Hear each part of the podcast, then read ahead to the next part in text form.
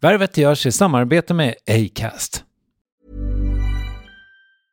I'm Sandra, and I'm just the professional your small business was looking for. But you didn't hire me because you didn't use LinkedIn jobs. LinkedIn has professionals you can't find anywhere else, including those who aren't actively looking for a new job but might be open to the perfect role, like me.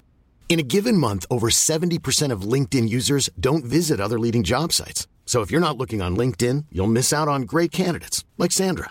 Start hiring professionals like a professional. Post your free job on linkedin.com/people slash people today. Ryan Reynolds here from Mint Mobile. With the price of just about everything going up during inflation, we thought we'd bring our prices down.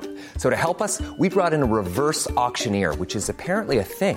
Mint Mobile unlimited premium wireless. Ready to get 30, 30, bit to get 30, bit to get 20, 20, 20, bit to get 20, 20, bit to get 15, 15, 15, 15 just 15 bucks a month. So, Give it a try at mintmobile.com slash switch. $45 upfront for three months plus taxes and fees. Promo for new customers for limited time. Unlimited more than 40 gigabytes per month. Slows. Full terms at mintmobile.com. Hey, it's Ryan Reynolds, and I'm here with Keith, co-star of my upcoming film, If, only in theaters May 17th. Do you want to tell people the big news? Right, I'll do. Sign up now and you'll get unlimited for $15 a month in six months of Paramount Plus Essential Plan on us. Mintmobile.com slash switch. Upfront payment of $45 equivalent to $15 per month. Unlimited over 40 gigabytes per month. Face lower speeds. Videos at 480p. Active Mint customers by 531.24 get six months of Paramount Plus Essential Plan. Auto renews after six months. Offer ends May 31st, 2024. Separate Paramount Plus registration required. Terms and conditions apply if rated PG. Värvet presenteras i samarbete med Nasonex, utomhusmöjliggöraren, som de inte kallar sig av någon märklig anledning. Men det är i alla fall Sveriges mest köpta antiinflammatoriska nässpray mot allergisk snuva. Och nu kommer ett litet test, så fram med papper och penna du som lyssnar, nu kör vi. Fråga 1. Vill du vara ute mer i naturen? Fråga 2. Sitter du framför en skärm lite för mycket? Fråga 3. Är du allergisk? Om du har svarat ja på någon av frågorna så tycker jag att du ska bege dig till beanoutsider.se. Jag vill för övrigt poängtera att Nasonex nässpray är ett receptfritt läkemedel från 18 år för behandling av symptom vid säsongsbunden och perenn allergisk snuva. Rådfråga läkare om du är eller tror dig vara gravid eller ammar eller om du planerar att skaffa barn, har en obehandlad infektion i näsan, nyligen har genomgått en näsoperation eller har en skada i näsan. Får ingen effekt inom 14 dagar eller om du redan använder läkemedel med kortison ska du kontakta läkare. Använd ej mer än tre månader utan läkarkontakt. Stort tack Nasonex och beanoutsider.se.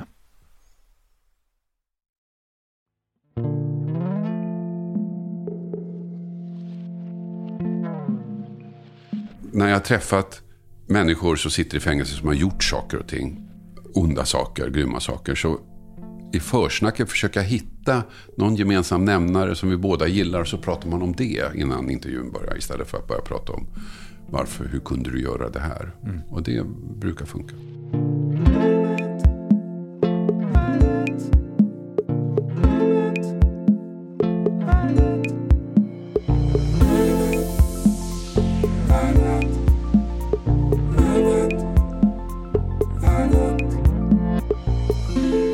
Han är en ikon. I över 30 år har han i princip löst brott på bästa TV3-sändningstid. Hasse Aro är efterlyst. Eller ja, han är inte efterlyst, men han är synonym med TV-programmet med samma namn.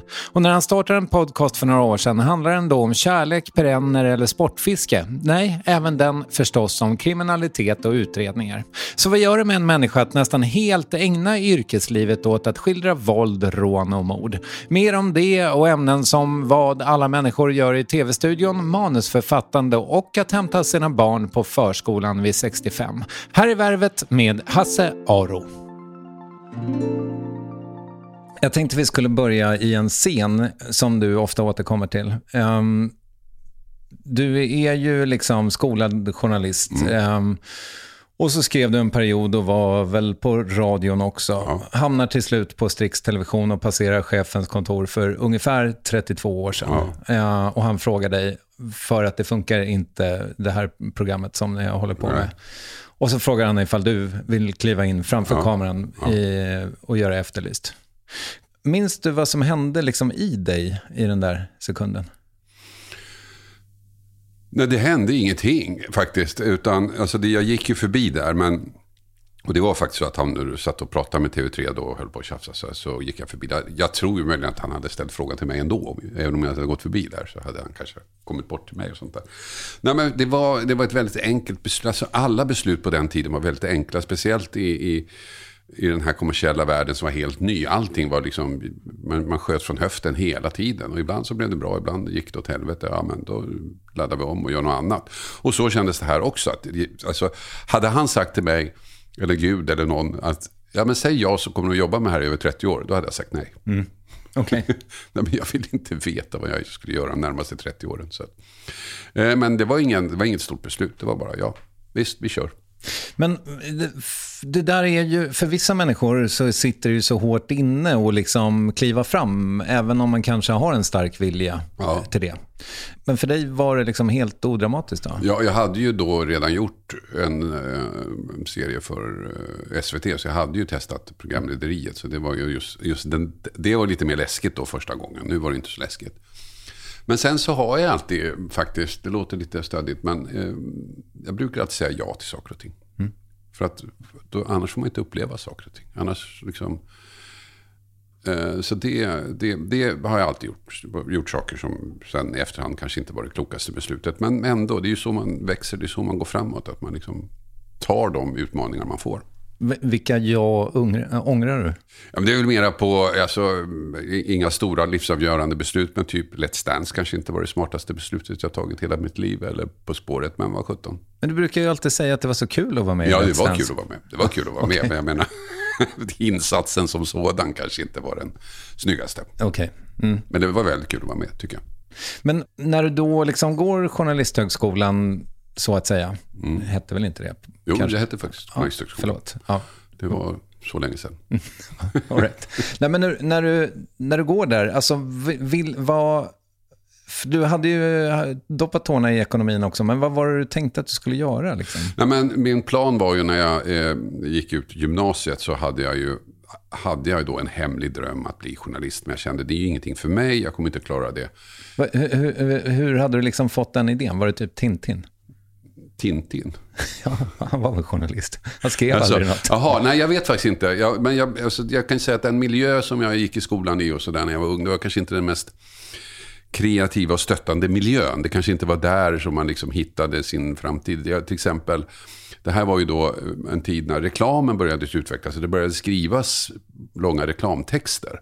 Mm. Och då insåg jag att det är väl någon som, som skriver de här. Så att då pratade jag med min yrkesrådgivare då. Att ville ha lite information hur det funkade. Och sa, nej men reklambranschen har jag tänkt på. Då säger hon så här, kan du teckna? Nej, säger jag. Nej, då är det ingenting för dig. Och lite så var det. Oj, vad oinsatt. Ja. Mm. och det, journalistiken kändes liksom... Alltså jag läste väldigt mycket tidningar och sånt när jag var ung. Men det kändes lite för mycket för mig. Så jag tänkte jag satsa på resebranschen istället. Och så började jag jobba på ett hotell. Men så slängde jag ändå in en ansökan till Journalisthögskolan. Det var ju bara tester på den tiden, så det var inga betyg. Man kom in på tester.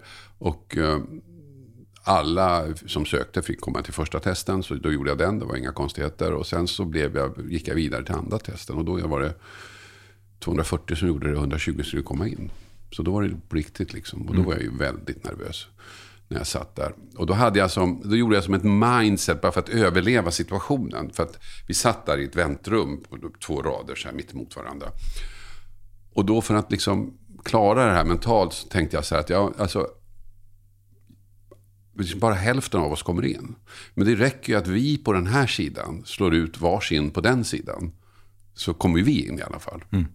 Jag behöver inte sluta alla där, utan det räcker att jag, så jag valde ut en kille, så jag tar honom så får ni. Det här tänkte jag ju bara, men det var mitt sätt att överleva och jag, jag kom in. Har ni kontakter då, du och den där killen? Jag har aldrig sett honom.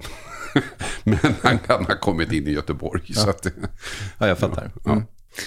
Och det här är liksom i skiftet 70-80-tal? Ja, just det. 79 började jag där. Vad är, vad, är det för, vad är det för tidsanda? Liksom? Jag menar, 69, det vet ju vi yngre om mm. hur det verkar ha varit. Men 79? Liksom... Ja, men det här var ju svallvågorna på 69. Det här var ju fortfarande väldigt eh, radikalt vänsterinriktat. De här som, eh, de, de, som stod i bräschen 69, de var ju liksom våra stora syskon. Det var ju inte våra föräldrar, utan det var våra stora syskon. Så vi gick i deras fotspår lite grann. Så det var lite på samma sätt tyckte jag. Du hade liksom ett, eh, hade du ett FNL-märke? Nej, jag hade inget FNL-märke, men det är klart att jag stödde FNL. Mm. Något okay. annat var ju inte tänkbart.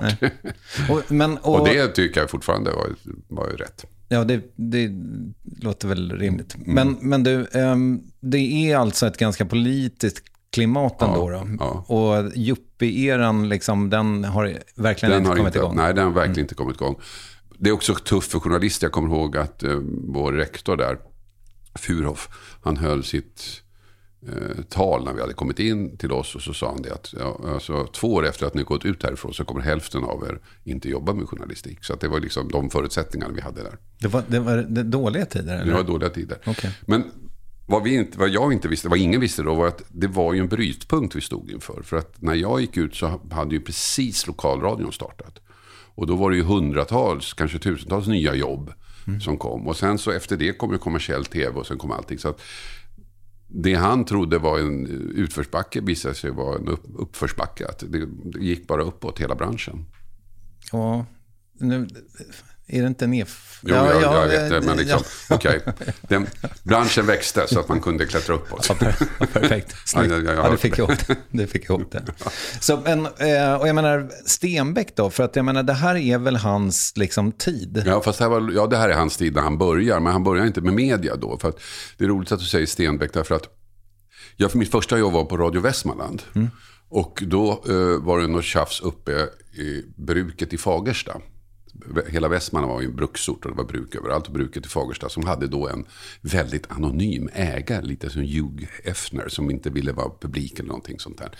Och det var Stenbeck. Okay. Men, och den första gången som han, jag tror det faktiskt var första gången som han offentligt mötte pressen.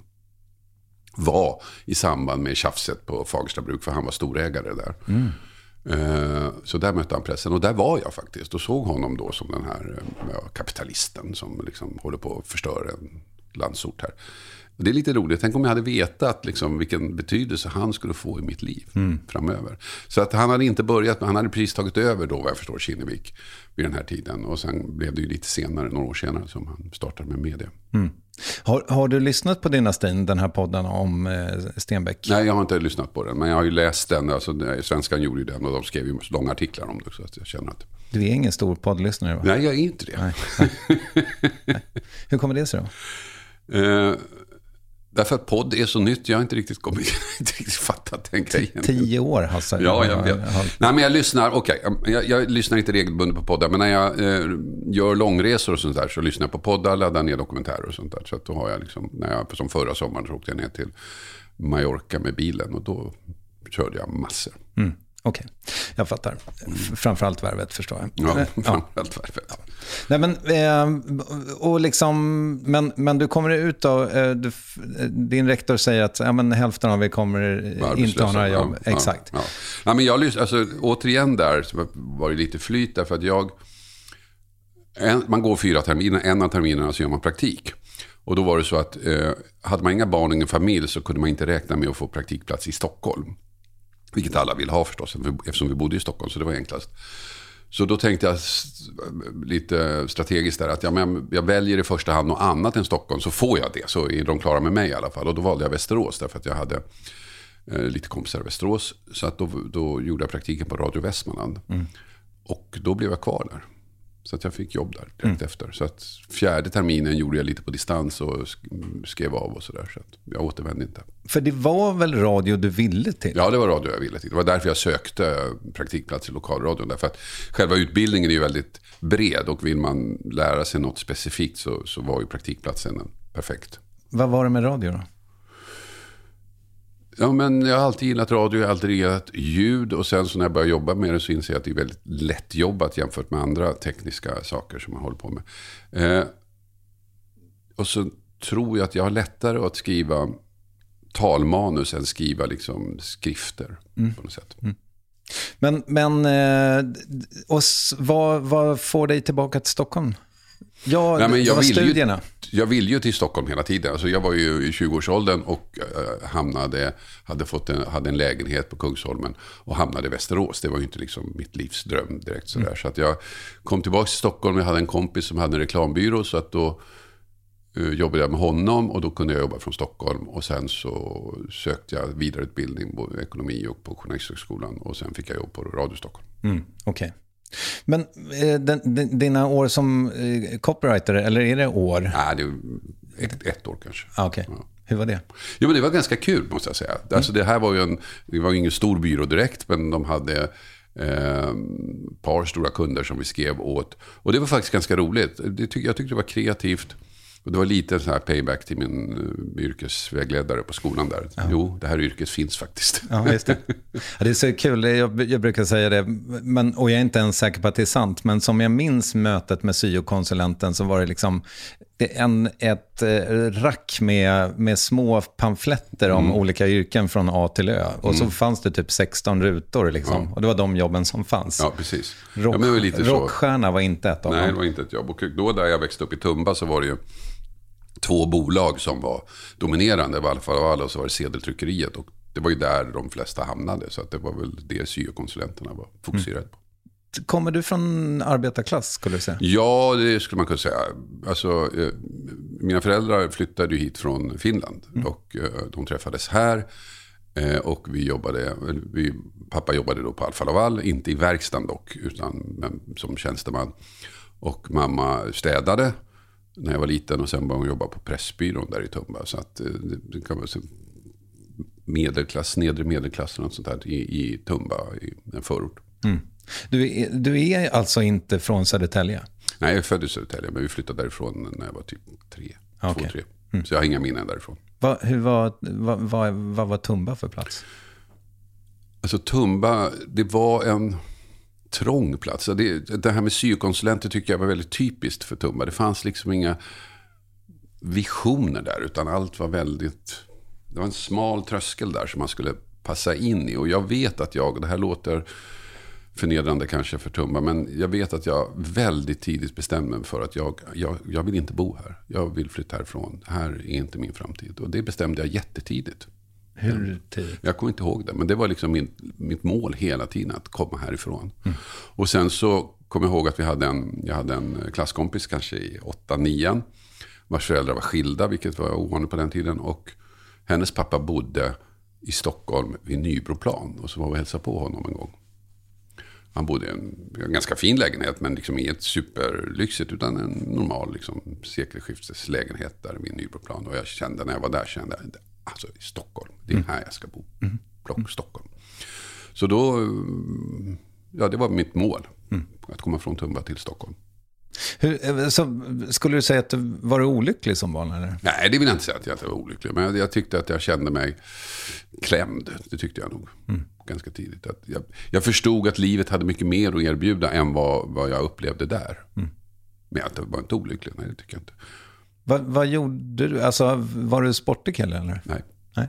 Jag, var, jag var nörden då, då. Nej, jag var inte så nördig. Men jag var inte sportig, det var inte min grej. Utan jag var med i schackklubben och, och mera där. Men eh, eh jag hade ju mycket kompisar, så det var inte så att jag liksom var mobbad för att jag var nördig. Sen flyttade vi till Oskarshamn ett år och där blev jag mobbad. Okay. Och fick klassstryk, men det var en annan sak. Oj då. Men det var ju för att jag var stockholmare. Ja, mm. okej. Okay. Sen flyttade vi hem igen. Trauma? Nej, inget trauma. Det var ju liksom jättejobbigt när vi var där förstås. Men ingen av oss, ingen i familjen tyckte om det.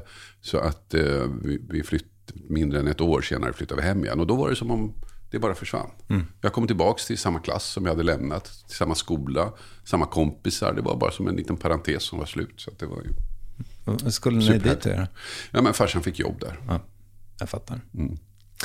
Men du, eh, tillbaka till liksom dina stapplande steg in i, i yrkeslivet. Då. Jag mm. menar, det, är det inte en...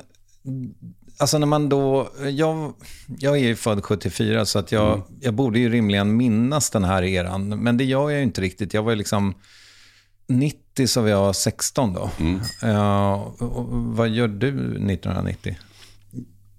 1990 är jag tillbaka på Strix. Jag hade ju gjort det här 89-90, säsongen 89-90 så var jag på Sveriges Television och gjorde eh, det här trekvart. Och sen kom jag tillbaka till Strix och eh, höll på att bygga upp en nyhetsredaktion för TV3. De ville, de, vi gjorde någonting som heter Tre minuter, som var så här korta telegramnyheter som gick på kvällarna där. Och då hade vi, studion låg i London, men redaktionen satt i Stockholm. Så då gjorde vi, skrev i telegrammen och faxade över dem till London. Och så satt det en studioreporter där och läste upp dem. Så det höll jag på med då 1990. Va- Alltså, hur, jag menar, när händer det här? Förlåt att jag inte vet det, men när händer det här att man att produktionsbolag ens existerar? Ja, men det kom ju då. Strix var ju det första produktionsbolaget. Så det började ju med att vi gjorde... Det började med att jag var på Radio Stockholm eh, och min chef Pelle Törnberg var där. Eh, Stenbeck hade då sett ett program i USA, en, en slags provokativ talkshow. Och han ville då att TV3 skulle göra en svensk version av det här och han ville ha med Robert Aschberg. Av någon anledning, jag vet inte varför, så fick Pelle uppdraget att genomföra det här. De skulle göra tre stycken pilotprogram. Och Pelle frågade mig om jag ville vara med och göra researchen för det här. Och det här skedde då på sommaren. Och det gjorde vi liksom i hemlighet, för vi var ju anställda på, på Radio Stockholm båda två. Så det fick vi inte göra. Så att vi gjorde de här tre programmen och det blev succé. Och utifrån det sen föddes Strix. Och Strix var nog det första liksom, kommersiella produktionsbolaget. Det fanns ju lite filmbolag och sånt innan, men det första kommersiella produktionsbolaget som startades. Okej, och du hoppade på det direkt? Ja, jag du var med från start? Ja, jag hängde på det. Och, och sen blev det vadå? Du var där till 2014? Ja, sen var, sen var jag ju på SVT ett tag, sen kom jag tillbaka och gjorde, ny, gjorde nyheterna. Och sen var jag där till 2014. Ja. Varför drog du därifrån 2014 förresten? Ja, det hände, av två skäl. Dels så hände det märkliga saker på, på Strix som jag inte riktigt gillade. Och dels så fick jag ett erbjudande från TV4. Okej. Så att det passade bra där. Men under de här, alltså de här åren där var ju fantastiska på Strix. Och jag gjorde ju så mycket mer än bara Efterlyst. Efterlyst var ju, alltså det gick vågor, men ibland var det en väldigt liten del av min arbetstid. Jag producerade ju andra program och jobbade med Robinson och allt möjligt sånt där. Det var en fantastisk tid. Och eh, jobbade med utveckling också? Som jag jobbade med utveckling också. Sådär. och det som jag tyckte var så... Alltså som har påverkat mig väldigt mycket och, och berikat mitt liv var att jag fick resa så otroligt mycket i samband med när vi gjorde Robinson bland annat. Att man, när det inte var säsong så var vi ute och reste i världen för att hitta nya inspelningsplatser. Så vi var i 60 länder. Gud vad du har rest. Ja, Och tycker om det. jag älskar att resa. Vad är det med det?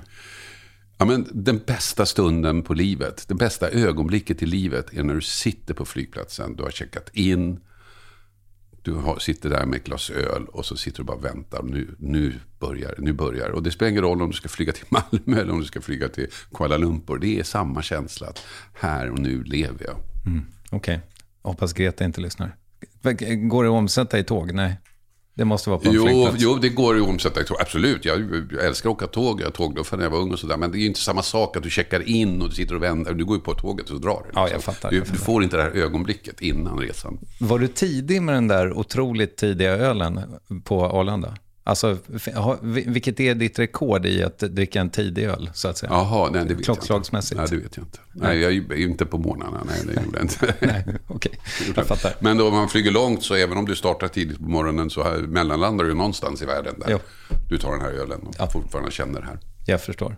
Men det, och det där är väl, jag läste någon gång på om det, att eh, det är någonting med hjärnan också när man reser, när man kommer till en ny plats. Att, man, att det är en större del av den som aktiveras helt enkelt. Ja, precis. Och jag tror ju att, att, det, att det, resa är väldigt utvecklande och det är väldigt bra för Alltså man blir mer förstående, man blir mer öppensinnig om man reser mycket. Man, man blir mindre fördomsfull vill jag påstå. Och jag brukar säga det att varje resenär bär fred i sitt bagage. Därför att det är när vi reser ut och upptäcker andra kulturer som vi blir mer förstående och sådär. Förr i tiden så satt man i sin by någonstans svenska inlandet och tyckte att de i grannbyn var idioter, dumma i huvudet. Och sen så utvecklades resemöjligheterna, så kom man till grannbyn så upptäckte man att de var inte dumma i huvudet. Och så, så där har det pågått. Och så är det med hela världen. Och att sluta resa tror jag är väldigt farligt. Ja, rimligt. Mm. Men du, vi var ju lite på Stenbeck. Va, va, Vad kommer han att betyda för dig då? Ska, anledningen till att det klingar för övrigt är att Hasse dricker kaffe. tar eh, sakett i sitt kaffe. Ja. Jag har druckit kaffe varje morgon sedan jag var två år, bara som en liten parentes. Oj, det var tidigt. Hur kommer det sig? Ja, men jag tror min mamma hade kanske inte riktigt full koll på kostcirkeln. Alla drack- men det var mest mjölk i kaffet, men det var ändå lite kaffe. Hon tyckte att det var en vettig idé. Ja, det tyckte hon. Jag tyckte det var gott, så på den vägen är det. Förlåt, jag missade frågan. Ja, men vad kom Stenbeck att betyda för dig? Han kom ju att betyda väldigt mycket för mig förstås. Men alltså, jag var ju inte så nära honom. Alltså, jag träffade Stenbeck kanske tre, fyra gånger. Någonting sånt där, så att jag eh, var inte min dagliga tjänst som jag eh, träffade honom. Utan den, som, den person, enskilda person som har betytt absolut mest för min karriär. Det är ju Pelle Törnberg. Som då var chefen på Radio Stockholm. Och jag vet inte vad han såg hos mig som han tyckte var värt att satsa på. Men tydligen någonting. Så att dels fick jag göra massa roliga saker på Radio Stockholm. Och sen tog han med mig ut i den här andra världen. Ja, men det där är ju intressant, eh, tänker jag. För jag är liksom li- lite nyfiken på, du har ju liksom jobbat, när man tittar på ditt liv så känns det som att du har jobbat liksom nonstop sen typ, jag vet inte när. Du, du har, haft, verkar ha varit benägen till det. Och det är väl en bra, det, det tänker jag mig att eh, då Pelle Törnberg till exempel, ja. men det där är en vettig egenskap, någon som vill jobba. Ja, det är det ju. Ja. Jo, men eh, alltså, eh, man ska ju ha tur i livet. För att det, det är inte allting som man kan påverka. Utan, och det har jag haft många gånger. Man har tur i livet. Men sen för att ta vara på turen så krävs det kanske eh, någon slags engagemang. när vi då är på det här med vad han kan ha sett i dig, vad, vad tänker du att du liksom har, nu är det kanske en bred fråga för en väldigt lång karriär, men, men vad, vad skulle du säga, vilka är dina starka sidor? Jag kommer ihåg det första, första grejen vi gjorde på Journalisthögskolan. Första liksom, uppgiften, det var att intervjua eh, den som satt bredvid en. Alltså en klasskompis. Och så skriva en intervju på den. Och då gjorde jag det, intervjuade henne och så skrev jag den. Och jag, jag kommer ihåg att jag satt hela helgen och skrev och skrev och skrev och skrev om och skrev om och skrev om. Och till slut så tyckte jag att ja, men det här var ganska bra. Och så går jag till skolan på måndag morgon. Och så när jag står i hissen på väg upp så kommer jag på en idé. Vad fan, det är ju så här jag ska vinkla det. Är ju så här jag ska göra. Så jag sätter mig och skriver om allting på tio minuter, lämnar in den och får högsta betyg. Så att, och då insåg jag att någonstans här kanske jag har en viss läggning för detta. Att uttrycka mig, att skriva, att eh, liksom, eh, göra radiointervjuer, att redigera ihop det. Det kanske finns någon slags begåvning. Jag vet inte. Men är det nyfikenheten, tänker du? Eller? Ja, dels är det en nyfikenhet tror jag, men också, eh, också ett, en vilja att liksom utmana sig själv lite grann. Att liksom hitta den här, att oj, så här är det. Att liksom, ja, få till den här lilla grejen. Och det är ju med min podd som jag gör nu, så har ju det som har hänt under de år jag har gjort det, att min, mitt manusskrivande har ju blivit väldigt mycket mer utvecklande och väldigt mer intensivt och större del av podden. Och det tycker jag är lite roligt och det har jag lärt mig under tiden jag hållit på med det här. Jaha, vad kul. Alltså, du, så du känner att du fortfarande utvecklas i någon Ja, det tycker jag absolut. Och jag skriver, jag har alltid velat skriva, jag har alltid velat skriva en bok men jag får ju aldrig till det. Men nu skriver jag faktiskt mer än vad jag någonsin har gjort hela mitt liv. Vet du, det var intressant att du tar upp ditt manusskrivande där, för du, du har ett dramaturgiskt grepp som jag är lite nyfiken på, Ja. om du är medveten om. Ja, Vet du vad jag tänker på? Och då vänder det. Eller vad tänker du? Nej. Nej, det kanske är för s- luddig fråga, men, men du, är, du älskar upprepningar. Ja, det gör jag. Mm. Och då tar förhållandet ny fart. Ett förhållande som kommer att leda till en av de mest spektakulära polisinsatserna det året. En insats som påverkade en stor del av Stockholms innerstad. En insats som var kulmen på en lång och intensiv utredning. Och det är det jag menar att ehm, det funkar i ett talmanus. Men inte i ett skriftmanus. Nej, det, kanske det, inte. Det, nej, det funkar inte. Men det funkar när man pratar. Så det har jag tänkt på faktiskt. Men vad är det med upprepningarna då? Ja, men det blir någon slags, man stannar upp, man lyssnar, man går vidare. Det blir en slags liksom, plot point i det hela. Liksom, att upp och så går man vidare. Just det. Men om du då eh, har den här, liksom, för, för det, där beskriver du någon slags, det, alltså att du är, när du lämnar in den där, när du får den där liksom nya idén på hur du ska göra det här porträttet och eh, skriver om den på tio minuter, det är liksom något slags perfektionism också, tänker Ja. jag.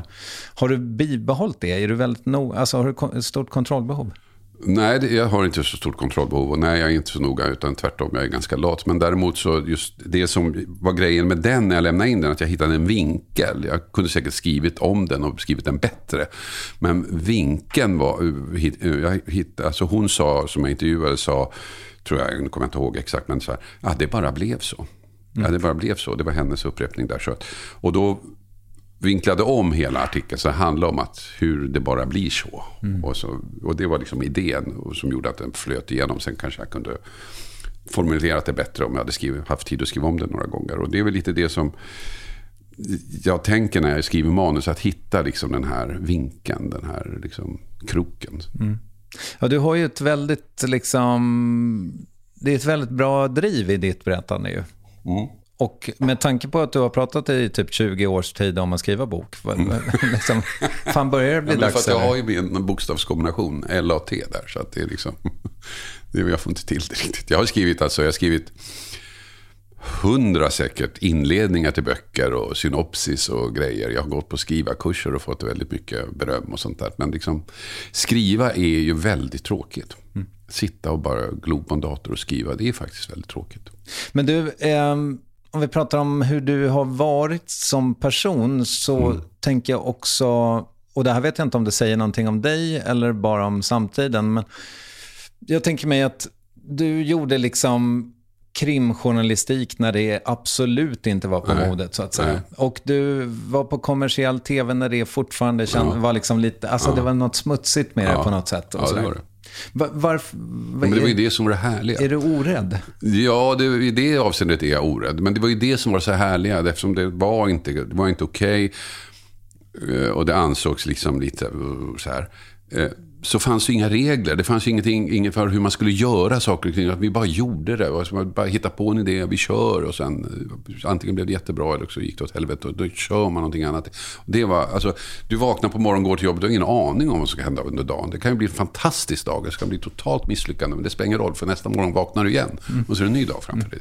Jag tycker, alltså det är ju otroligt att jag har fått vara med om detta och vara med i nystarten av så många grejer. Först var det, så det var lite grann så på, på lokalradion också. Det var ju ganska nytt när jag började där. Och sen och på Radio Stockholm var ju speciellt för Radio Stockholm stack ju ut väldigt mycket därför att chefen där, Harald Norbeli, ville ju göra det här till en egen station och hittade någon sändare som ingen använde. Så att Radio Stockholm kunde ju sända hela dagen. Fast lokalradion egentligen bara hade några givna fönster i, i P3-kanalen så började han sända hela dagen. Så det var också nytt och lite rebelliskt. För det gillar man ju inte på centrala ledningen. 103,3. Just det, precis. Mm. Mm. Så att det, och jag har fått vara med hela den tiden och det tycker jag har varit fantastiskt. Men, och därför tror jag också att jag, idag jag blir lite, idag är allting så strukturerat och då blir jag lite trött. Och innan man kör igång ett projekt så ska man liksom skriva ihop något dokument och ju, om alla möjliga saker innan man ens börjar jobba. Och det tycker jag är lite tråkigt. Mm. Så att, eh, du saknar inte tiden att vara liksom en, en kugge i maskineriet på ett produktionsbolag? Nej. Eller det kanske du är på andra Nej, sätt? men jag har nog liksom aldrig varit en kugge i maskineriet på det sättet. Så det var inget maskineri, det var bara liksom så det var som ett akvarium folk simmade runt bara så Okej, okay, ja. kaos. Ja, men det jag måste säga som, jag, som slår mig mycket nu, att, eh, nu med journalistik och eh, när, när den här perioden som vi fick uppleva eh, har gått över och saker och ting befinner oss i ett annat läge. Att journalister och idag ofta är så oändligt mycket duktigare än vad vi var. Och folk som gör dokumentärer är fantastiskt duktiga. Och dokumentärfilmer och poddar och sånt där. Jag är jätteimponerad av det. För att vi, alltså vi hittade på saker, vi genomförde dem och det gick fort och så här, Men särskilt bra blev det väldigt sällan. Ja, jag fattar. Du, jag tänker mig också, alltså, om du då är tv-producent och tv-makare eh, under den här, liksom, ska vi kalla det för guldåldern ja. ändå. Ja. Eh, dels hur var det här när det här skiftet kommer? När man helt, alltså dokus, alla skulle göra dokusåpor ett tag ja. och, så här, och du mm. var med i det och utvecklade ja. någon och så där. Hur var den tiden? Ja, men det, den var ju fantastiskt rolig. För det var ju då det verkligen exploderade. Och det var ju då, i alla fall för min del, man fick ut och resa och hålla på med massa saker. Så det var ju fantastiskt roligt. Bli, bli jagad av blod, blodiglar? Och bli jagad av blodiglar och mm. av journalister som då höll på att skriva om dokusåpor idag, skriver om politik och sådär. Ja. Mm. Mm. Men är du, liksom, finns det grejer som du tycker är... Uh, alltså, när du tittar tillbaka på din karriär, mm. under den eran, finns det grejer som du tyckte blev jävligt bra? Ja, det tycker jag att en del av... Uh, vi gjorde ju en del dokumentärer, kriminaldokumentärer som jag tycker blev bra. Uh, en del Robinson-idéer blev skitbra tycker jag.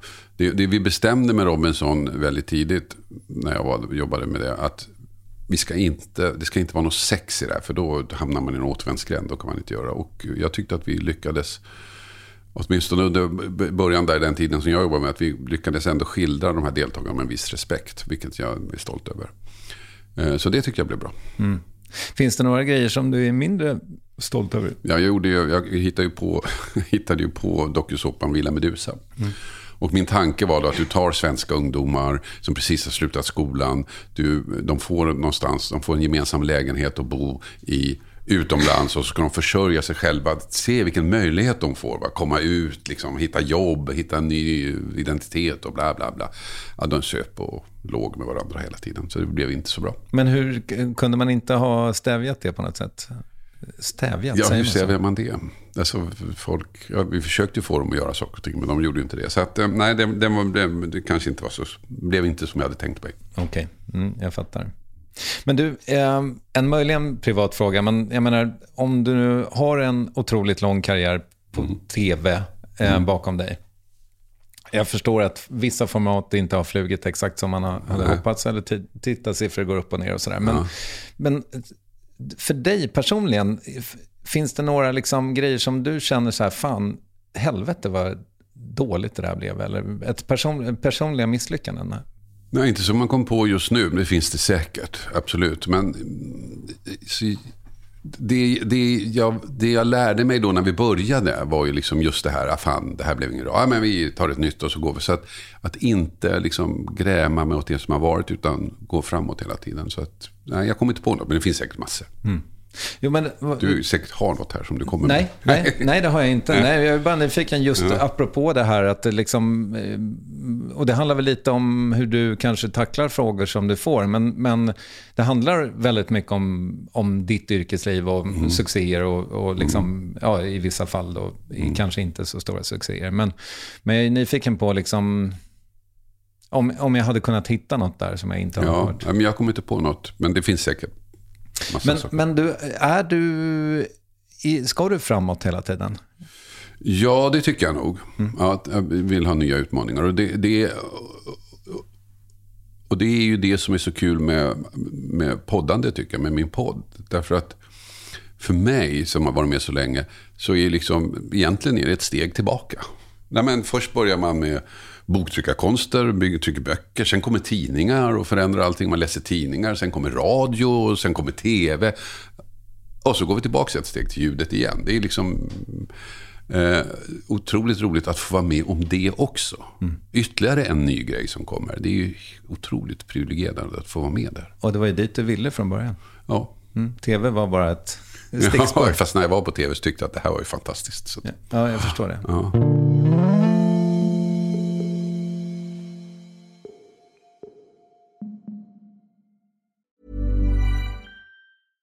Hey, I'm Ryan Reynolds. At Mint Mobile, we like to do the opposite of what Big Wireless does. They charge you a lot, we charge you a little. So naturally, when they announced they'd be raising their prices due to inflation, we decided to deflate our prices due to not hating you. That's right. We're cutting the price of Mint Unlimited from $30 a month to just $15 a month. Give it a try at mintmobile.com slash switch. $45 upfront for three months plus taxes and fees. Promo for new customers for limited time. Unlimited more than 40 gigabytes per month. Slows. Full terms at mintmobile.com. Planning for your next trip? Elevate your travel style with Quince. Quince has all the jet-setting essentials you'll want for your next getaway. Like European linen, premium luggage options, buttery soft Italian leather bags, and so much more. And it's all priced at 50 to 80% less than similar brands. Plus, Quince only works with factories that use safe and ethical manufacturing practices. Pack your bags with high-quality essentials you'll be wearing for vacations to come with Quince. Go to quince.com slash trip for free shipping and 365-day returns. Everyone knows therapy is great for solving problems, but getting therapy has its own problems too, like finding the right therapist, fitting into their schedule, and of course, the cost. Well, BetterHelp can solve those problems. It's totally online and built around your schedule. It's surprisingly affordable too. Connect with a credentialed therapist by phone, video, or online chat, all from the comfort of your home. Visit betterhelp.com to learn more and save 10% on your first month. That's BetterHelp, H E L P. Yes, ny sponsor. Värvet presenteras i samarbete med Svea Bank. Och jag menar inte att ta ner stämningen, men dessvärre är ju lågkonjunkturen här, vilket innebär att de flesta branscher har det tufft och också väldigt många privatpersoner. Jag vet själv vad det är att ha en trasslig privatekonomi. Det var struligt i många år för mig och låg ofta post i hallen med trista logotyper i ena hörnet och jag hade också i flera års tid ett helt gäng betalningsanmärkningar. Och tyvärr är det nog många som har det svårt att få ihop till räkningarna just nu, som har hamnat i ekonomiskt trubbel. Och det är här Svea Bank kan kliva in med något som kallas skuldfinansiering. Där löser de skulder hos inkasso och till Kronofogden och till och med om Kronofogden vill sälja ditt boende har Svea Bank möjlighet att hjälpa till. I den här tjänsten får du en personlig handläggare som gör en grundlig genomgång av din ekonomiska situation. De tar kontakt med dina kreditgivare och när ett lån beviljats löser de dina skulder skulder åt dig och samla dem i ett enda lån med en avbetalningsplan som din ekonomi klarar av. För om du har hamnat i klister, du är inte ensam och kanske kan det här hjälpa dig. På svea.com skuldfinans kan du läsa mer. Tack Sveabank! Men du, jag funderade på det här med Efterlyst då, som ju är liksom synonymt med ditt mm. varumärke, eller ja. hur man nu ska uttrycka sig. Ja. Eh, den 61 säsongen gick precis ja. i, i, mål. Eh, eller under våren ska jag säga. Mm. Är det lika kul fortfarande? Det är, ja faktiskt, det är roligare nu än på väldigt länge av två skäl. Dels är jag inte så otroligt engagerad längre som jag var förut. Alltså, jag har tagit ett litet steg tillbaka och är mera programledare. Förut var jag ju producent och hade synpunkter på allt. Eh, sen är det, men det som är otroligt roligt är att den generationen som jag jobbar med har ju vuxit upp med det här jävla programmet. Mm. Och de tycker att det är så kul att jobba med. De är så entusiastiska, så deras entusiasm smittar av sig. Jag tycker det är jättekul. Mm. Vet du redan nu att det blir en 62? Ja. ja. Och den ska du göra? Ja. Hur, hur långt sträcker sig dina kontrakt? Jättebra. Alltså hur långt mina kontrakt sträcker sig? Ja, det är, det är lite olika. Nu är de kortare så att nu, är det, det, nu har jag skrivit på ett, mitt gick ut nu, så det var ett år, det som gick ut nu. Och, den, och nu ska jag skriva på nästa och jag har inte kollat det än. Men ja. jag skulle gissa att det blir samma sak. Okej. Okay. Mm. Um, och det gäller bara då för Efterlyst så att ja. säga? Mm. Och hur, alltså, för nu är ni nu är det inte i säsong så att säga. Nej. Men, men den börjar då till hösten ja. Är det mycket, för dig, för dig är det då inte särskilt mycket förarbete och sånt, utan du kommer dit och ställer dig på tejpen? Nej, nästan, jag sitter ju där. Och så, jo, jag, jo jag, dels så sitter jag ju med och eh, i de mötena när vi bestämmer vad vi ska göra, så att jag har lite koll på vad som ska hända. Sen så sitter jag ju med på möten och sen så pratar jag med alla reportrar, så enas vi om lite grann, hur ska jag skriva och sånt där. Så att, jag ägnar, alltså när det är säsong så ägnar jag kanske tre dagar i veckan åt programmet. Okej. Okay. Mm. Det, det, är ju eh, live. Mm. Ger det dig något särskilt att det är det? Det är så skönt att det är live. Mm. Det är så skönt att eh, man gör det och så är man klar sen. Att, att banda program tycker jag är lite tråkigt. Man gör när man gör en påannons, man går på ett sätt och, som alla är överens om. Och så säger alla producenter säger fantastiskt, skitbra. Vi tar det en gång till. Och så mm. håller de på så där. Så det är jättetråkigt. och det slipper du? Det slipper man i direktsändning. Hur är, tar du med dig jobbet hem? Eh, inte så mycket numera, nej det gör jag inte. Mera förr. Okej. Okay. Alltså, grämer du dig? Efter, ja, det kan jag efter, göra. Ja. Om, om det har hänt någonting så kan jag gräma mig väldigt mycket. Jag blir väldigt känslomässigt uh, engagerad eller involverad eller berörd om det är jobbiga saker vi har där och så. Det blir jag fortfarande. Det där är ju jäkligt intressant tänker jag. Och gissar jag kanske inte den mest originella frågan. Men om man i större delen... Om man är... Fan, jag har svårt med orden idag. Ja. Är det prostatan som spökar? eh, nej, men om man under större delen av sitt liv har jobbat liksom varje dag med brott och ja. mord och ja. blod och mm. kidnappningar och skjutningar och skit. Mm. Liksom, vad, vad, gör det med ens psyke? Alltså det där är frågan får jag ju hela tiden. Jag förstår det. Mm. Och uh, mitt standardsvar är, och så, så, är det faktiskt. För att när jag började med det här så förstod jag liksom att människor kan vara onda. Att det är liksom massa saker. Det jag lärt mig med åren är att människor faktiskt kan vara goda. Att de flesta av oss har en inneboende godhet eh, hos oss. Och det där tycker jag förstärks genom de här åren som, som jag jobbat med program. Man ser folk griper in, folk som drabbas av saker och ting är inte ute efter hämnd, men de ändå vill ha någon slags upprättelse, vilket är rimligt. Och sådana saker. Så det tycker jag är det som har förvånat mig. Och, att, och jag tror faktiskt att det jag har lärt mig genom åren, och jag kan ha fel, men att människor är i grunden goda. Mm. Och det är vi allihopa. Eh, även, även skurkarna? Även skurkarna har godhet i sig. Jag tror att Eh, jag gjorde en, vi gjorde en dokumentärserie om det här. Men, eh, alltså, vi, har, vi, vi, vi gör ju alla onda saker. Alltså saker som vi vet man inte ska göra. Det går mot rött till exempel, men det tycker vi kan vi skita i. Och så finns, vi har alla olika, alltså, gör saker som vi vet, det, det ska man egentligen inte göra, men vi gör det. Och så gör vi goda saker och så är det en vågskål och för de flesta av oss så överlever eller vinner det goda. Vi är i grunden goda och det vi gör som är ont det liksom drabbar ingen på särskilt hårt så att det klarar vi av. Men sen finns det de som gör andra val. Där, där deras ondska tar över. Men det betyder ju inte att de ändå inte har de goda sidorna. Och jag har också, när jag har träffat människor som sitter i fängelse som har gjort saker och ting, onda saker, grymma saker, så i försnacket försöka hitta någon gemensam nämnare som vi båda gillar. Och så pratar man om det innan intervjun börjar. Istället för att börja prata om varför, hur kunde du göra det här? Mm. Och det brukar funka. Var letar du då? Nej, men man liksom försöker eh, prata, kallprata lite grann så här. Så är det någonting så här, han, ja, hans föräldrar kommer från Finland till exempel. Ja, men då pratar vi om det. Mm. Och hur det är att ha finska föräldrar till exempel. Segling är inte ofta? Nej, segling är inte så ofta. Nej. det är inte så ofta. Det är väldigt lite segling på kåken antar jag. Ja. Mm. Men du, eh, av någon anledning så är, liksom, jag har ju sett hela den här krimgrejen, mm. framförallt då i min egen bransch, mm. podderiet, hur den eh, liksom, men, har slagit ut nästan allt eh, mm. eh, på något sätt. Och, eh, jag vet inte om du lyssnade på Serial när det begav sig, men det mm. var väl en, en eh, milstolpe någonstans mm. i mm. krimpodderiet. Eh, och vad, vad är det? Vad är det med det? Jag läste någonstans att för kvinnor, som ju är tydligen de som lyssnar på krim mest, mm. så är det ofta liksom något slags, jaha, de har det värre, eller om jag lyssnar på alla de här mordpoddarna, ja då kan jag på något sätt undvika att bli mördad ja. själv. Alltså... Ja, det vet jag inte. Ja, inte, men det är kvinnor lyssnar ju mest. Men det, jag tycker det intressanta med, med, med krim, om vi börjar i den änden med krimjournalistik, när vi började så var vi ensamma. Att Sveriges Television eller Sveriges Radio, public service, skulle göra krim. Det var ju helt otänkbart, alltså på riktigt. Mm. Är ni dumma i huvudet? Och idag gör de ju jättemycket krim. Ja, det får man säga. Verkligen. Så att jag vet inte om de känner att de har sänkt sig själva eller någonting.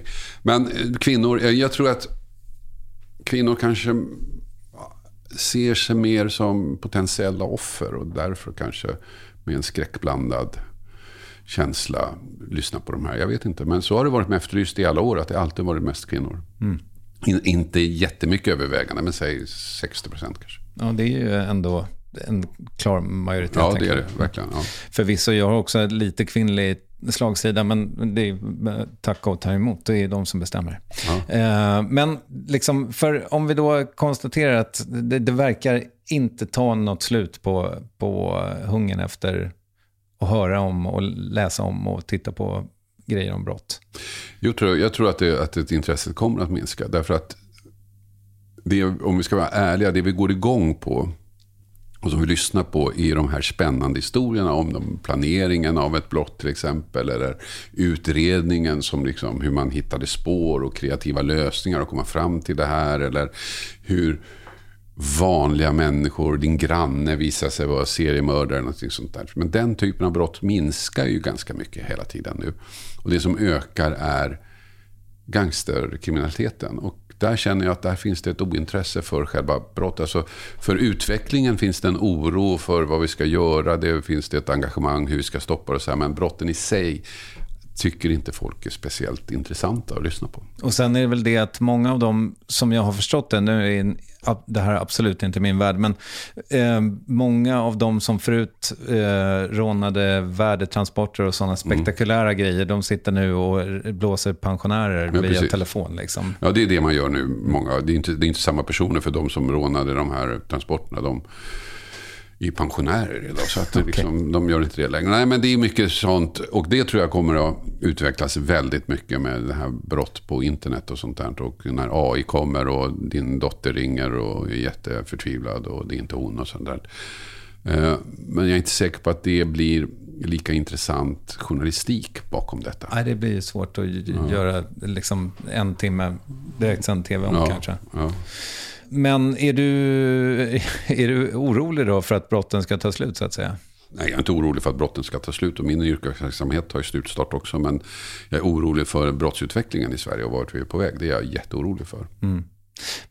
Och ni började den här senaste säsongen av Efterlyst och prata om det här med alla skjutningar, liksom, ja. om, om gängkriget ja. i Stockholm, eh, eller i Sverige ska jag säga. Liksom, vad är din take på det här? Vad, vad tror du skulle krävas? Alltså jag vet inte, det är otroligt komplicerat. För att det, och, och det har ju utvecklats väldigt fort nu. Jag menar, det som hände i Stockholm för bara några dagar sedan. Där en 15-årig kille som var sur på en annan 15-årig kille högg ihjäl honom. Och det hade ju ingenting med själva gängkriminaliteten att göra. Men den värderingsgrunden finns ju där. Blir du förbannad på någon, då har du ihjäl någon. Och det tror jag är en del av gängkulturen som sjunker ner allt mer i åldrar. Tror jag. Och det där är ju jätteoroväckande. För att det var ju, jag läste någon som sa, ja men det innebär att man vågar inte säga till någon ungdom på tunnelbanan som bär sig åt. För att då kanske man blir nedhuggen. Och det där tror jag kommer att nå en gräns när, när, när någonting måste hända. Och när folk reagerar. Och jag tror att vi är ganska nära där. Mm. Men vad är det här som ska... Ja, det är ju väldigt komplicerat. För att å ena sidan så har du ju liksom att eh, det rent praktiska att lösa de här brotten. Att få bort få bort eh, alla vapen och sådana saker. Att liksom se till så att knarksmugglingen eh, stoppas. Det, det, det, är en sak det polisiära. Men så handlar det om värdering hos unga människor. Att se unga människor som är på väg eh, ut för att liksom förstå varför de får de här värderingarna och sånt. Och det är ju jättekomplicerat. Mm. Ja, jag, eh, var det någonstans relaterat till dig att, jag, att det finns något slags pilotprojekt nu där man tittar på förskolor? Ja, just det. Det känner jag igen. Ja, det kanske inte var hos dig. Men, Nej, eller så var det på P1 häromdagen. Ja. Men just att man... Så här... Nej, men jag tror det att, det, att det är där man ska börja. De, de här barnen som utvecklas i den, i den här riktningen, det kan man se ganska tidigt. Och ju tidigare, desto mer kan du hjälpa dem. Jag menar, när du är 15 och har mördat någon, ja, då kanske du inte får hjälp längre. Utan då ska du bara straffas. Det ska vara hårda straff. Men grejen är att se det innan. Och då tycker jag att då, har vi ju, då, då, då, är det politikerna som har ett ansvar och skolan, förskolor är otroligt viktiga områden att satsa på. Och därför tycker jag är lite förvånad att man, det kanske inte är riktigt den satsningen på utbildning som, man, som skulle vara. Mm. Eh, du, den här stora eh, polisreformen, var det 2015? Mm. Vad liksom från din horisont, hur, hur, vad hände där? Det gick åt helvete. Mm. Det är ett stort misslyckande och det ser vi resultatet av nu. Jag tror, inte att, jag tror inte att brottsutvecklingen som vi ser är ett resultat av det. Men misslyckandet att liksom lösa det är ett resultat av den där utredningen. Alltså den, det, och det var många som sa från början, som är mycket mer kunniga än vad jag är. Men som jag, jag tyckte det lät rimligt att det var ju helt fel tänkt. Det vill säga att du har brott löser man på platsen där de är. Alltså, och det är ju med gängkriminalitet också, att polisen är på plats och vet vilka, ja, men, vilka ska vi hålla koll på. Mm. Så att polisarbete är i huvudsak lokalt. Och vad man gör nu är att man centraliserar allting och satte det för att man hade en viss, viss gängkriminalitet som gick över olika ställen i Sverige och då måste man ha en central möjlighet att lösa det. Ja, det förstår jag, men då gör man ju som man har gjort i andra länder, att man har en central polismyndighet också, som typ FBI. Men att det vardagliga polisarbetet sker ju på, på gator och torg i lokala ställen. Och där måste det vara. Om du tittar på min hemkommun till exempel Nacka så, så har man ju nu en polisstation. Tror, förut tror jag man hade fyra eller fem. Mm. Och där tror jag, det där är ett jättemisstag. Så det, det här är liksom, det, det, skulle vara en del i lösningen då, att man på något sätt åter... Ja, det måste man göra på något sätt. Men, och, och då hamnar man i ett läge där, okej, okay, ska vi göra om hela omorganisationen? Vi omorganiserar igen. Det tar ju flera år att genomföra en sån där, så jag tror inte att riktigt att det är möjligheten. Men att man på något sätt justerar, att man ser till att öka den lokala närvaron och kanske minska det här centrala tjafset som inte leder någonstans i alla fall. Mm och minska liksom byråkratin. Det har blivit jättebyråkrati. Ta bara en sån sak och ringa till polisen. Du kan inte ringa till polisen längre. Det är jättekonstigt. Mm. Uh, förut när jag började jobba som journalist, då ringde man polisen en växel och så bad man få prata med någon. Och så blev man kopplad till den personen. Och den personen var en utredning. Eh, en utredare som man frågar, ställer frågor till. Nu ringer du, om du ringer till polisens växel så får du vänta i två timmar, sen orkar du inte längre. Så lägger du på, så ringer du pressavdelningen och då har de synpunkter på vem du ska prata med och det tar en evig tid. Så det är så otrolig byråkratin där som, mm. som har hänt. Ja, fan vad deppigt ändå. Ja, det där är jättedeppigt. Mm. Verkligen. Missad följdfråga på Efterlyst egentligen. Ja. Mm. Jag tänker mig att eh, du som gammal tv-makare också, du måste ju ha tänkt på det här, hur det faktiskt ser ut i rutan. Det gör ju någonting med tittaren, tänker jag, att det är jävligt mycket. Det ser ut som att det är fullt ställ där inne. Ja. Men är det helt enkelt så att de människorna som i andra produktioner sitter bakom, liksom i något annat rum, ni har flyttat in dem så att det ska se ut som det händer nej, mycket? Nej, de som sitter där är ju då i huvudsak tipsmottagare och det är ju poliselever från polisskolan som okay. sitter där. Mm. Sen kanske, möjligen att vi fyllt på ett tomt bord med statister för att det ska se ut om det är lite färre som kommer just den gången. Det är okay. möjligen att det kanske kan ha hänt. Men de svarar inte i telefon. Nej, okay. De sitter bara där. Ja. Men i huvudsak så är det liksom personer, poliselever som sitter och svarar. Mm. Och det, och eh, det, där gör ju, alltså det, som sagt, förr i tiden, det här är ju liksom före min tid på något -huh. sätt, men jag har en känsla av att man så här, du vet, Eh, Hasse Tellemar höll jag på att säga, det, var, ja. det är fel mm. medium. Men, ja. men uh, Hagge Geigert, liksom, att det satt telefonister liksom, i studion och sådär. Ja. Det, det, det görs ju inte längre. Nej. Men ni gör det. Ja, vi gör det. Ja, men det ska ju, för det ska ju dels så... Dels så ska man ju ringa in under programmet, det är därför vi sänder direkt. Alltså, du kan inte banda och sen ska folk ringa in. Och sen så är, skapar det ju en stämning när de sitter där. Det blir ju liksom ett tryck, det blir ju liksom liksom, ja, det känns som att det händer saker och ting där. Jag var ju i USA och hälsade på där och på deras America's Most Wanted som det hette. Och det var ju bandat. Och, och, där hade de ju inga poliser i studion. Det var ju bara statister som satt. De körde i en vinkel så här. Programledaren stod och pratade. Och bakom honom så var det ett jävla tempo med grejer. Så här. Sen var det bryt och sen bytte man vinkel. Och då flyttade de här personerna på sig. Så tog de programledaren ur den vinkeln. Och så stod de här personerna bakom och ringde och pratade med varandra. Så, där. så det var ju bara fejk allting. Det låter inte alls lika kul. Nej. Nej. Men eh, jag funderar på ännu en för, eh, missad följdfråga. Men vi var lite på det här med att du liksom inte kanske har varit så driven av, liksom, vad ska man säga, att komma in i finrummen. Nej. Eller du, du har i alla fall... Eller, jag ska ställa frågan på ett lite mer neutralt sätt. Men jag tänker mig att eftersom du då var tidigt inne i den kommersiella världen, du gjorde krim när ingen annan gjorde det. Liksom, har det stängt andra dörrar för dig? Uh, det vet jag inte.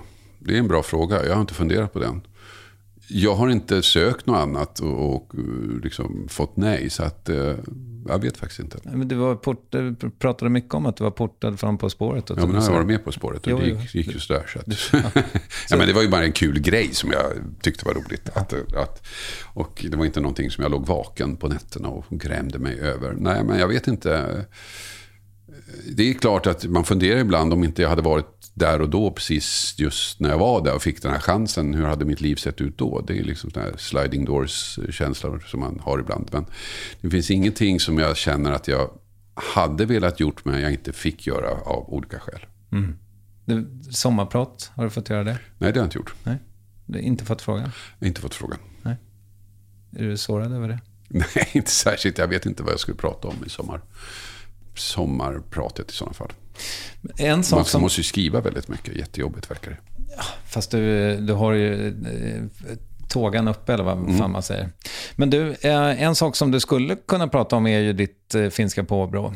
För att jag jag har hört dig säga att det liksom, när, när du var ung så var det ju inte helt okomplicerat. Liksom. Det fanns... Eh, ja, men du ville egentligen inte... Du ville dölja det. Nej, men alltså när man är ung och går i grundskolan och är liten, så där, då vill man ju vara som alla andra. Man vill inte sticka ut på något konstigt sätt. Och eh, då, där vi då bodde, så var ju vi invandrarna. Det var ju liksom finnarna som var invandrarna. Och så fanns det då lite ungrare eh, som hade flytt från, vars föräldrar hade flytt från Ungern då, 56.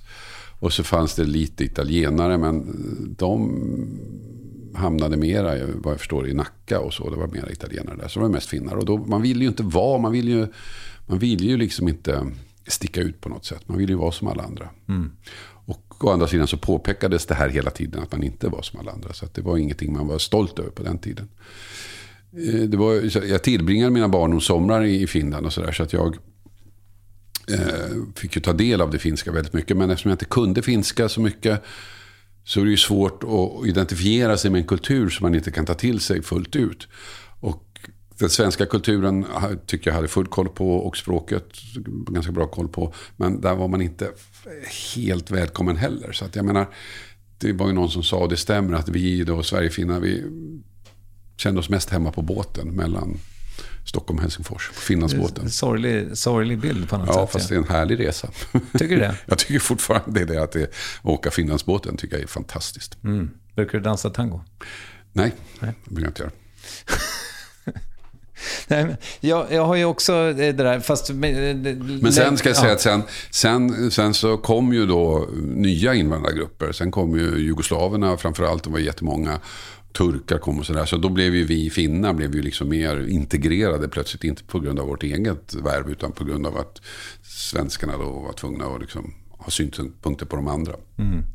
Men, men eh, för jag hörde någon, eh, alltså typ så här SISU radio-intervju med dig, liksom, när ni pratade om det här. Men som vuxen då, har det liksom på något sätt varit en tillgång att du har haft den bakgrunden? Ja, men det tror jag att det har varit. eh, Även om jag inte kan direkt peka på något enskilt moment. Men jag tror att det har varit, för mig har det varit det väldigt bra. Jag tycker att det har berikat mig.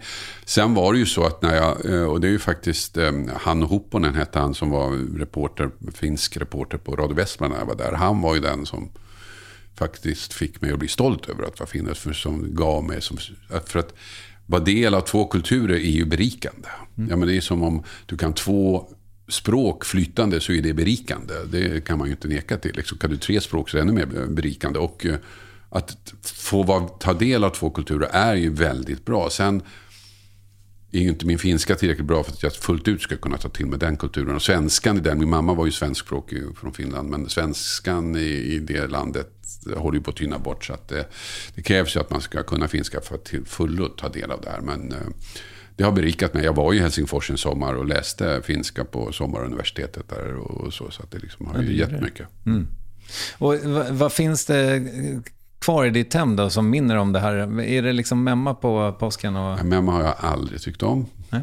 Jag tvingar in mina barn leverlåda, eller har gjort det varje jul. Därför att eh, det fick vi äta hemma tills min eh, en släkting, jämngammal släkting i Finland sa till mig, nej det där är ingen julmat, det där har de hittat på. Men det tror jag inte på, jag tror att det är julmat. För att när de hade en finsk, sån här finskt, när de sålde finsk mat nere i Hötorgshallen där så sålde de faktiskt leverlåda varje jul. Så jag tror att det, det var julmat. Okej. Eh, men det är, man då en del av två kulturer så tvingas man vara lite mer öppensinnig. Det blir så automatiskt. Och det tror jag är en bra egenskap att ha med sig i livet. Är dina föräldrar i livet? Nej. Nej, okej. Hur, eh, hur minns du dem? Ja, de var ju väldigt olika och eh, jag har ju förstått i efterhand att det var egentligen mammas bakgrund som man eh, fick veta mest om. Och hon hade ju en ganska tuff bakgrund, verkligen supertuff bakgrund. Och den fick, den fick, jag, fick man veta och ta del av. Och vi var ju i hennes i ruinerna av, av den här statarstugan hon bodde i när hon var liten. och sånt där. Min pappa var mycket mer hemlighetsfull, eller var mycket mer hemlighetsfull om sin bakgrund. Och han var ju med i krigen och sånt där. Men också, så att där med åren så har nyfikenheten vuxit när det gäller den delen av min sida. Vad, vad, vad finns där? Och där vet jag att hans bror var till exempel teaterdirektör i Helsingfors och sådär. Så att där, där finns det ju kanske saker att upptäcka fortfarande. Ja, men, det men finns det några kvar som du kan fråga? Då? Ja, de släktingar jag har kvar är på min pappas sida. Ja, okay. Så det finns det. Mm.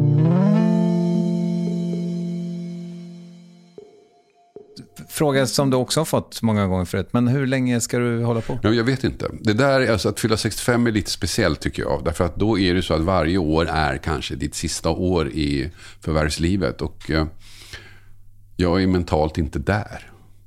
Så att eh, liksom, hela det här med pensionering och allt det här. Jag slår bort det för att jag liksom orkar inte tänka på det. Och nu jobbar jag men liksom varje säsong. Nu, nu nu har ju en ny säsong i hösten, men den kanske tar slut då. Eller podden kanske tar slut nästa år, så man vet inte. Och det är lite speciell känsla där. att allt det du har gjort, eller allt det som du har hängt upp ditt liv på, förutom familj och sådana saker. Men det andra, det kan bara ta slut plötsligt en dag.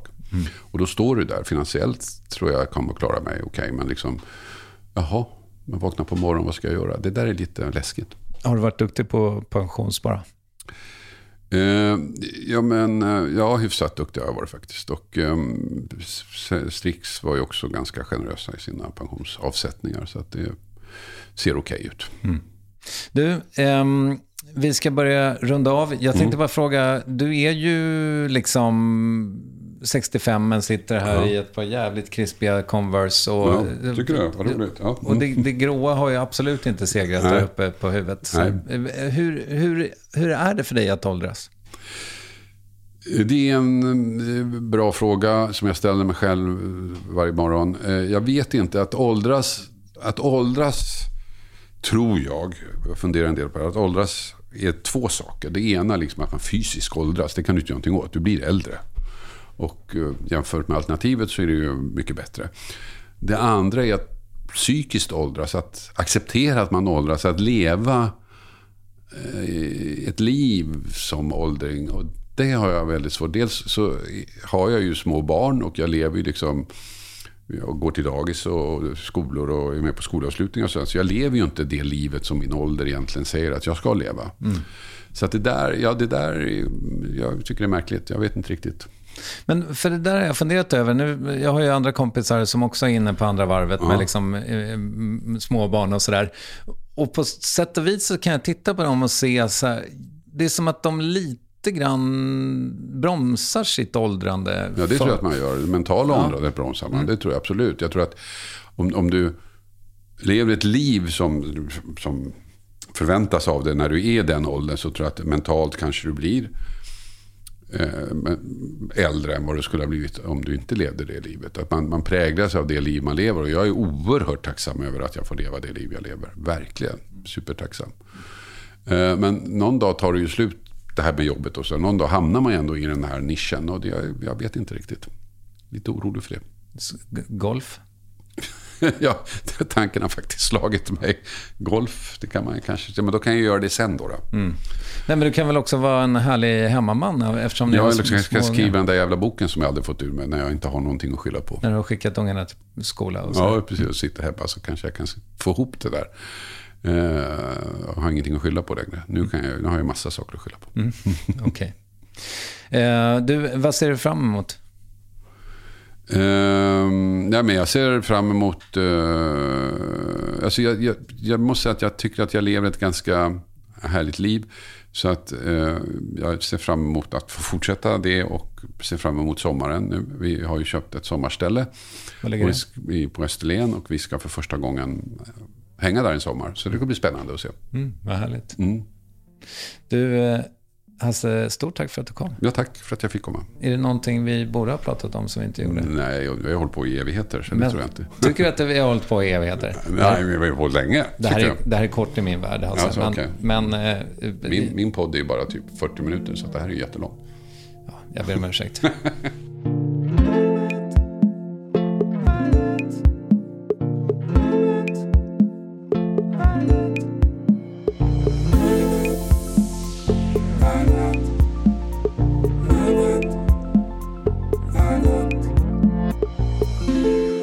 Hasse Aro. Och med hans driv är det svårt att lägga ifrån sig podden han gör. Fallen jag aldrig glömmer, den rekommenderas. Och med det viks hovar in för den här gången och de sitter ju på den trygga travaren Ninni Westin, varmblodet K-Triumf och förstås alltid i vinnarhålet galoppörerna på Acast. Vi hörs om max en vecka. Hej!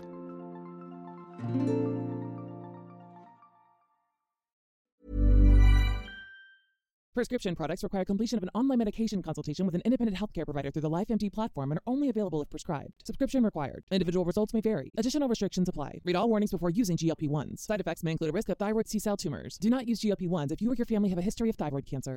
If you've struggled for years to lose weight and have given up hope, did you know you can now access GLP 1 prescription medications at trylifemd.com? We're now offering eligible patients online access to GLP 1s, the breakthrough prescription medication that can help you lose body fat and weight. Listen to what people are saying. It's fun to put on jeans that you couldn't get into six months ago. Every morning, I look forward to getting on the scale. For anybody who's struggling with their weight, it's a godsend. And here's the best part your insurance may cover 100% of the cost of your medication. So go to trylifemd.com to have your eligibility checked right now. Get started today at trylifemd.com. That's T R Y L I F E M D.com.